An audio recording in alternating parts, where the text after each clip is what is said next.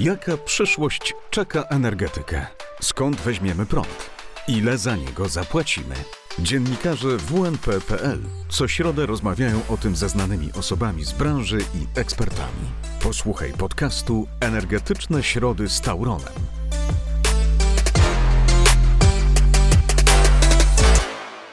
Adam Sierok, witam Państwa w energetycznej środzie z Tauronem. Tym razem nadajemy prosto z siedziby Taurona Sprzedaż, czyli spółki, która w tej grupie energetycznej odpowiada za sprzedaż energii elektrycznej i paliwa gazowego dla klientów indywidualnych, ale w szczególności dla tych biznesowych oraz instytucjonalnych. A naprzeciwko mnie Tomasz Lender, wiceprezes tej firmy, który odpowiada właśnie za segment rynku biznesowego. Dzień dobry Panie Prezesie. Dzień dobry Panu, dzień dobry Państwu. Panie prezesie, na początek pytanie o ceny i o to, jak e, na nie reagują e, klienci. Mówiąc wprost, e, jeżeli chodzi o dynamikę i wzrost cen, czy Wy dostrzegacie już jakiś problem, jeżeli chodzi o regularność i płynność regulowania należności przez klientów, w szczególności tych biznesowych? Trudno tutaj mówić o statystykach, jakichś liczbach. Natomiast jako takiego zjawiska nasilonego, że klienci nie są w stanie regulować należności, jeszcze nie obserwujemy. E, to dziwne jest, ale podczas pandemii COVID też spodziewaliśmy się, że e, będą opóźnione płatności i większe zaległości klientów, a statystyki w tym okresie wręcz przeciwnie pokazały, że klienci bardzo się zmobilizowali i właściwie poprawili zaległości płatnicze mm, do naszej firmy, więc w chwili obecnej trudno mi potwierdzić, że taki trend narasta, czy, czy jest jakimś problemem. Spotykamy się z Wami, z menedżerami grupy Tauron e, regularnie na łamach e, WNPPL i blisko 5 miesięcy temu miałem okazję rozmawiać z Rafałem Soją, prezesem Taurona Sprzedaż i pytałem go podobnie e, o reakcję klientów i ich płatności i on wtedy mówił w połowie stycznia, że konia z rzędem temu, kto jest w stanie stwierdzić w tym momencie, jak firmy, jak gospodarstwa domowe zareagują na sytuację na rynku. Na pewno jest ona niepokojąca. Było to jeszcze mm, półtora miesiąca prawie e, przed wybuchem wojny w Ukrainie. E, jesteśmy w zupełnie innej sytuacji, zarówno jeżeli chodzi o rynek energetyczny, o rynek surowcowy. E, no więc czy to dodatkowe obciążenie jest już widoczne? Czy wy mm, boicie się, że to może jest jakiś proces, który jest odłożony w czasie? Jeżeli powołujemy się na rozmowę z zeszłego roku, ze to, stycznia, ze tak jest, z tego roku, aha, tak. to rzeczywiście e, no, widzieliśmy e, wręcz rekordową podwyżkę cen energii elektrycznej, e, nie tylko dla biznesu, bo, bo wszystkie firmy które działają e, w przemyśle, one na bieżąco dostają oferty i widzą te zmiany cen. Natomiast mieliśmy rekordową podwyżkę dla klientów, instytut, e, dla klientów końcowych komunalnych. E, prawie 37% podwyżki w taryfie G, na którą prezes URE wyraził zgodę. Nigdy wie, wcześniej tego typu zdarzenia nie było. I Wtedy jeszcze nie było wojny, tak jak pan, pan powiedział. Na pewno musimy się spodziewać bardzo trudnej sytuacji regulacyjno-taryfowej, która będzie na koniec roku, dlatego że ceny, jakie są, wszyscy widzimy. E, pasmowa dostawa na przyszły rok to jest cena rzędu 1200 zł już praktycznie i porównując w bardzo prosty sposób obecną taryfę dla klientów końcowych i ceny, przy jakich były, była tworzona, a obecne notowania, to tutaj podwyżki no, są, są spodziewane, powinny być spodziewane bardzo, bardzo wysokie. Klienci biznesowi pewnie w jakimś stopniu muszą być świadomi e, tych wahań cen energii elektrycznej i tego, co ich będzie czekało w najbliższych miesiącach. E, jak wy to widzicie w Tauronie sprzedaż? Generalnie, czy jest jakaś wymiana informacji między Wami a klientami? E, klienci biznesowi są bardzo świadomi tego, co się dzieje na rynku, e, zarówno w zakresie wahań cen energii elektrycznej, jak i w zakresie czynników, które mają wpływ na te zmiany, tak? Dlatego, że w chwili obecnej e, z rozmów naszych doradców z klientami ewidentnie widzimy ich profesjonalne pod- podejście i świadomość tego, że koszt tej energii, którą oni mają zaoferowaną, w znakomitej większości zależy od e, kosztów e, uprawnień do emisji i paliw, paliw, które są niezbędne do wytworzenia tej energii. Mamy, tak jak pan redaktor powiedział, czas wojny, bo tak to trzeba nazwać, w związku z czym surowce, ich dostępność, łańcuchy dostaw, to wszystko jest e, jedną wielką niewiadomą. I jeżeli mamy mówić o tym, czy końcówka roku będzie zła, czy dobra, to e, myślę, że wszyscy zdajemy sobie sprawę, że określenie teraz tego e, jest niemożliwe. Wariantów jest co najmniej takich prawdopodobnych, co najmniej kilka. Wszystko zależy od, od wielu zmiennych, łącznie z tym, jak dalej będzie się toczyło e, wojna na Ukrainie, no bo trudno sobie wyobrazić, że ona z dnia na dzień e, przestanie, przestanie wpływać na, na cały świat. Tak? W związku z czym e, wzrosty cen i, i potencjalna możliwość utrzymania się tego wzrostu e, trendu na rynkach hurtowych, no niestety przekłada się bezpośrednio na klientów, stąd, stąd ich działania i podejście do, do tego, jak zabezpieczyć się. Ich, ich plany są naprawdę, e, świadczą o tym, że bardzo e, konsekwentnie i profesjonalnie podchodzą do tego, żeby e, jak najlepiej gospodarować energią na potrzeby sw- swojej produkcji, swojej działalności. A ile jest em, tych działań w, w, u klientów biznesowych, jeżeli chodzi o poprawienie efektywności energetycznej, a z drugiej strony zdywersyfikowania źródła, e, jeżeli chodzi o wytwórcze kwestie, mam na myśli inwestowanie w e, OZE. Czy te ostatnie miesiące też zmieniły na tyle świadomość u klientów biznesowych, że oni już widzą, że mm, nie ma co czekać jakby na to, co wy zaoferujecie, tylko sami są tutaj aktywnym podmiotem? E, Klienci e, zawsze mieli świadomość tego, że mają do wyboru własne źródło. E, Decyzja o tym, czy je budują, to była decyzja, która wynikała właśnie z poziomu cen. I, i moim zdaniem obecny poziom cen, on już z, spowodował, że klienci decyzję o budowie po- podjęli.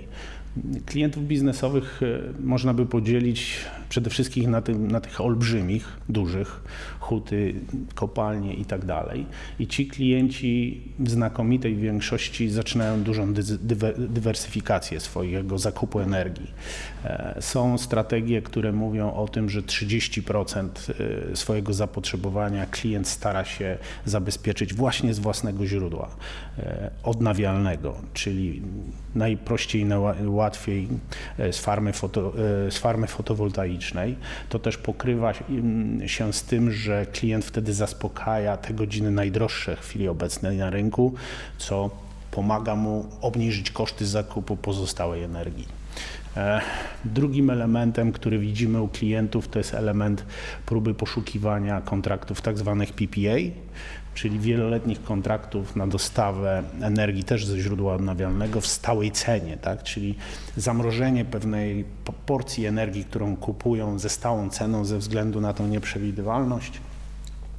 No i do, do, dobilansowanie tego wszystkiego energią od sprzedawcy, który obsłuży im ten miks, e, miks źródeł, z którego będą korzystać. Wielokrotnie od tych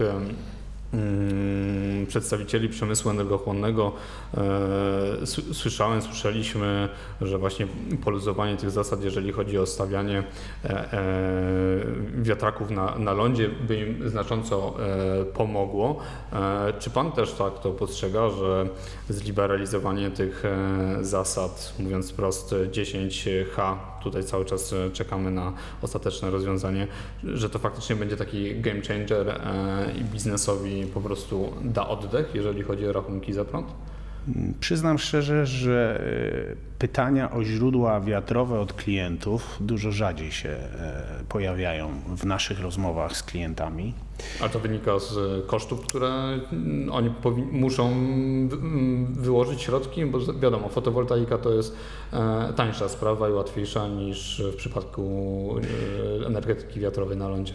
Bardzo przyzwyczailiśmy się do tego, że postrzegamy problemy tak bardzo e, jednopłaszczyznowo. To, to nie jest tak, że 10H od razu zrewolucjonizuje. To nie jest tak, że e, fotowoltaika jest zła, bo, bo generuje tylko w szczycie.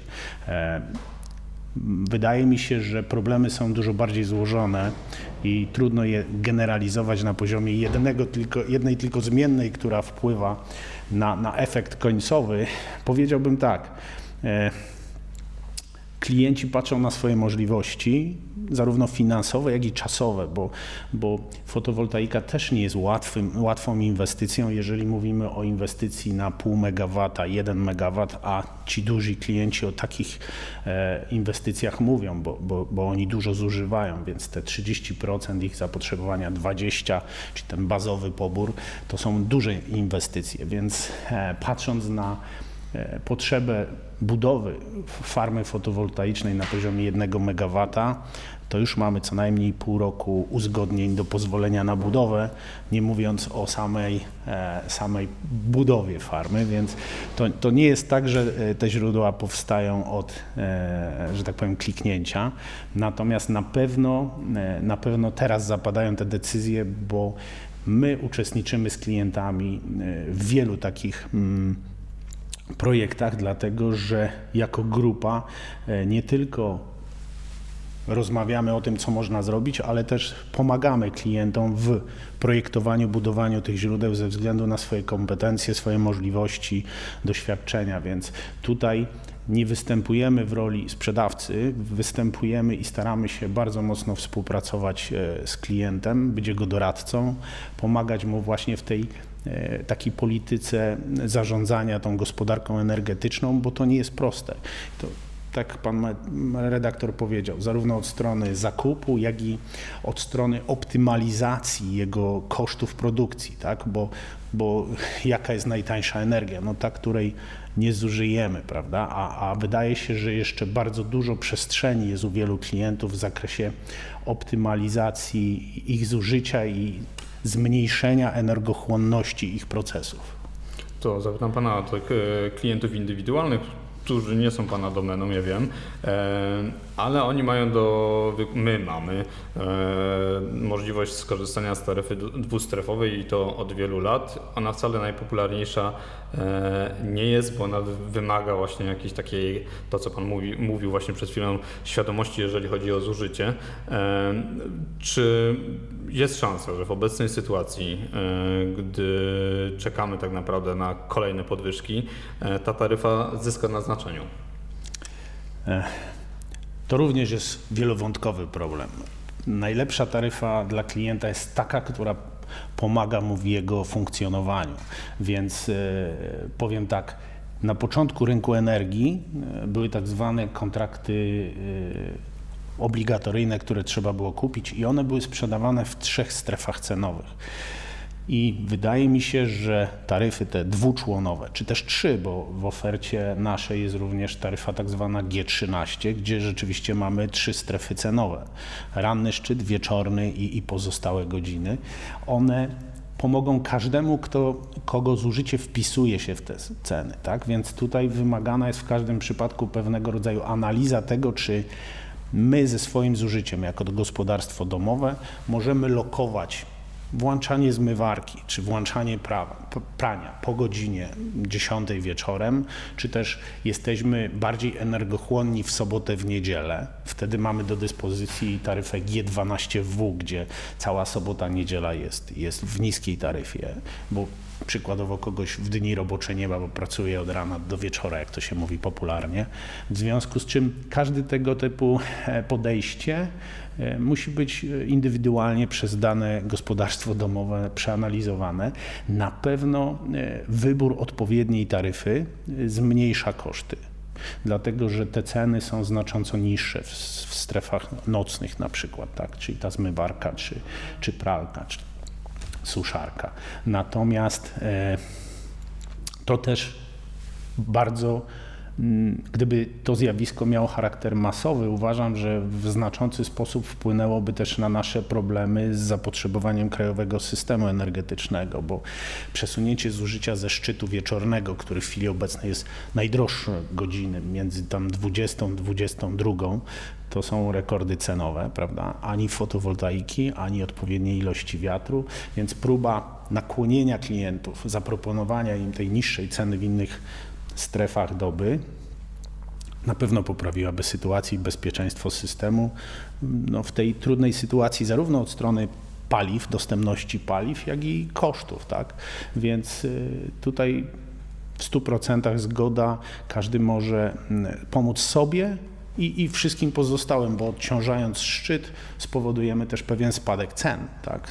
a, a one wpływają na średnią cenę, po której kupujemy. Czyli edukacja, edukacja i to nie, niekoniecznie tylko po Waszej stronie, tylko generalnie na możliwie mm, wysokim poziomie. E, to na koniec chciałem Pana zapytać jeszcze o jednostki samorządu e, terytorialnego, bo to ich e, w ostatnich e, kilkunastu tygodniach było naj, najbardziej słychać, jeżeli chodzi o, e, o te rachunki za prąd i to, jak wpływa to na ich budżety. No więc jeżeli tu moglibyśmy, jeżeli Pan by mógł, no może nie wyrokować, co coś próbować przewidzieć, jak sytuacja na rynku energii e, wpływać będzie właśnie na jednostki samorządu terytorialnego w najbliższych e, e, miesiącach. Czy tu też będzie ciężko? Trudno jest wyrokować, trudno jest przewidywać w obecnej sytuacji. Możemy tylko, należałoby korzystać z doświadczeń lat poprzednich, tak? Wiemy, że mm, w zeszłym roku właśnie jednostki samorządu terytorialnego mm, w dużej, w dużej większości te jednostki, bo, bo część z nich na pewno wyprzedzała pewne zdarzenia, ale większość z nich odraczała moment zakupu do ostatniej chwili. Wiemy, jak wyglądały ceny w listopadzie i w grudniu zeszłego roku. E, słyszeliśmy od naszych klientów z tego segmentu, że Końcówka roku zawsze jest tańsza, bo jest wielka, większa płynność i wtedy, wtedy oni czekają. I, I tak naprawdę wiele firm z tego segmentu przeczekało okresy pierwszego kwartału najniższych cen, tak? żeby później dostać oferty, kiedy rynek hurtowy notował po, po 1000 zł base. Tak? To było dla nich e, tragedią.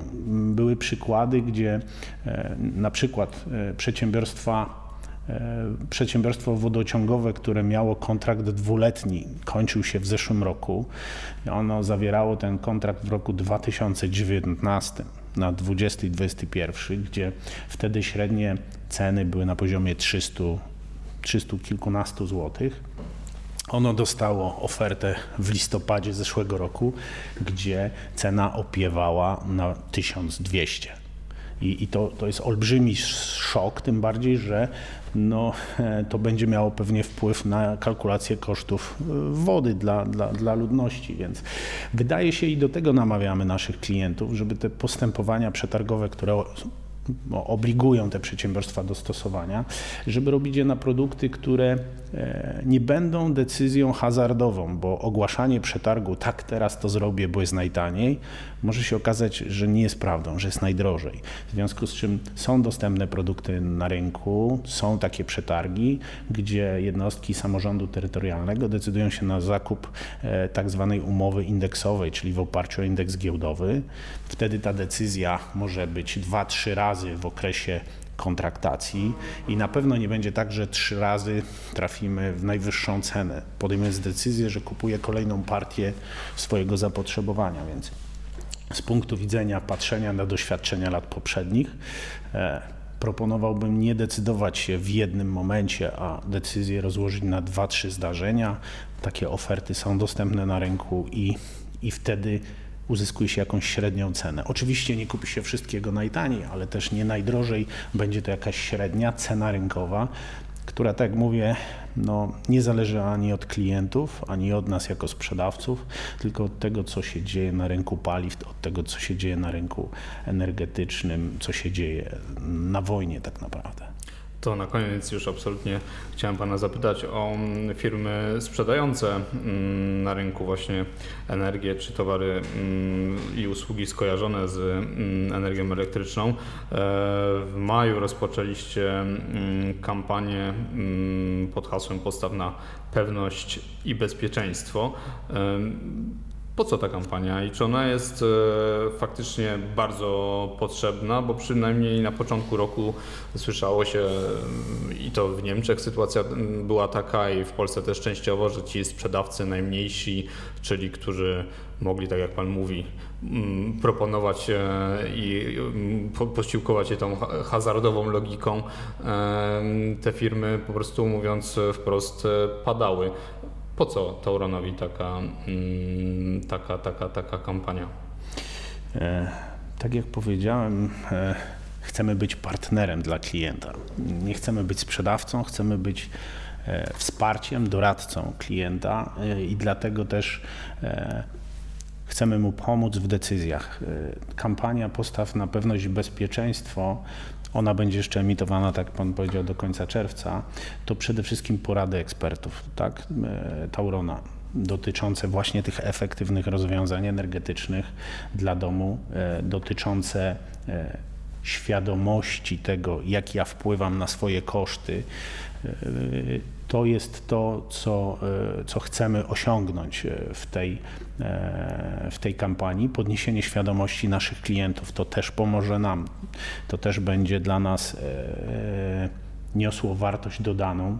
E, klienci mogą korzystać z tego zarówno e, na łamach prasy lokalnej czy ogólnokrajowej. Będą, są dodatki, do, do, do, dołączane poradniki do, do prasy. Mogą korzystać z całej masy e-booków, które są dostępne na naszych stronach, czy też z blogu i dopytywać, rozmawiać, wyjaśniać swoje wątpliwości z naszego punktu widzenia, zmieniając charakterystykę poboru naszych klientów, będziemy w stanie kupić taniej tą energię dla tych klientów, mniej w tych godzinach e, wysokocenowych, przez co klient skorzysta i, i łatwiej będzie nam e, wesprzeć klienta, ty, tym samym uzyskać jego no powiedzmy szczerze, e, związanie z nami jako z firmą pewną, bezpieczną, e, która, która pomaga, która nie jest e, takim sprzedawcą od jednego strzału, gdzie, gdzie